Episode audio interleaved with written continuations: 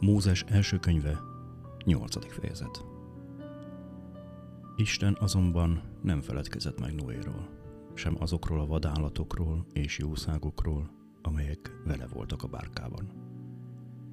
Szelet bocsátott Isten a földre, és a víz apadni kezdett. Bezárultak a mélység forrásai, és az ég csatornái. Nem esett több eső az égből. Azután a víz egyre jobban visszahúzódott a földről, és 150 nap múlva leapadt a víz. A bárka pedig a hetedik hónap 17. napján megfenek lett az Ararát hegységben. A víz állandóan fogyott a tizedik hónapig. A tizedik hónap első napján láthatókká váltak a hegyek csúcsai. 40 nap múlva kinyitotta Noé a bárka ablakát, amelyet csinált, és kiengedett egy hollót. Az újra meg újra kirepült, és visszatért, amíg föl nem száradt a víz a földről. Kiengedett egy galambot is, hogy lássa, vajon leapadt-e a víz a föld színéről. De a galamb nem tudott leszállni, ezért visszatért hozzá a bárkába. Víz borította ugyanis az egész földet.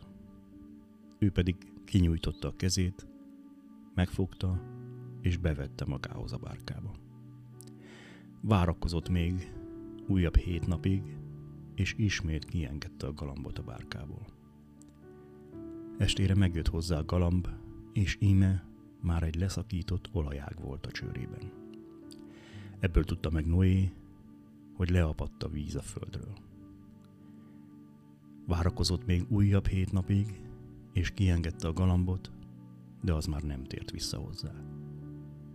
A 601. esztendőben, az első hónap első napjára fölszáradt a víz a földről.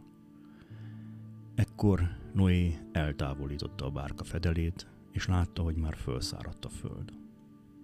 A második hónap 27. napjára felszikkadt a föld. Ekkor így szólt Isten Noéhoz.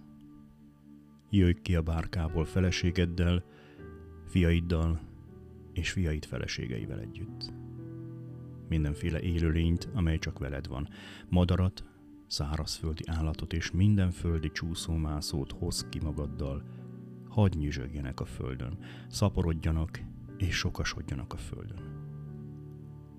Kijött tehát Noé fiaival, feleségeivel és fiainak feleségeivel együtt. Minden élőlény, minden csúszómászó, minden madár, minden, ami mozog a földön, csoportonként kijött a bárkából. Azután oltárt épített Noé az úrnak. Majd vett minden tiszta szárazföldi állatból, és minden tiszta madárból, és égő áldozatot mutatott be az oltáron. Amikor az úr megérezte a kedves illatot, ezt mondta magában az úr. Nem átkozom meg többé a földet, az ember miatt. Bár gonosz az ember szívének szándéka ifjúságától fogva, és nem írtok ki többé minden élőt, ahogyan most cselekedtem.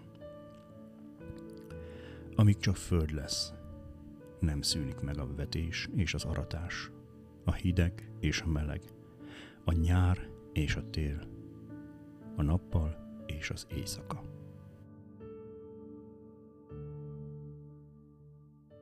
Isten tegye áldottá az ő igényének hallgatását, szívünk befogadását és megtartását. Legyetek áldottak, teljetek meg a szeretettel, a békével és az élettel. Hallgassatok bennünket továbbra is, nyitott szívvel és lélekkel. Isten áldjon benneteket!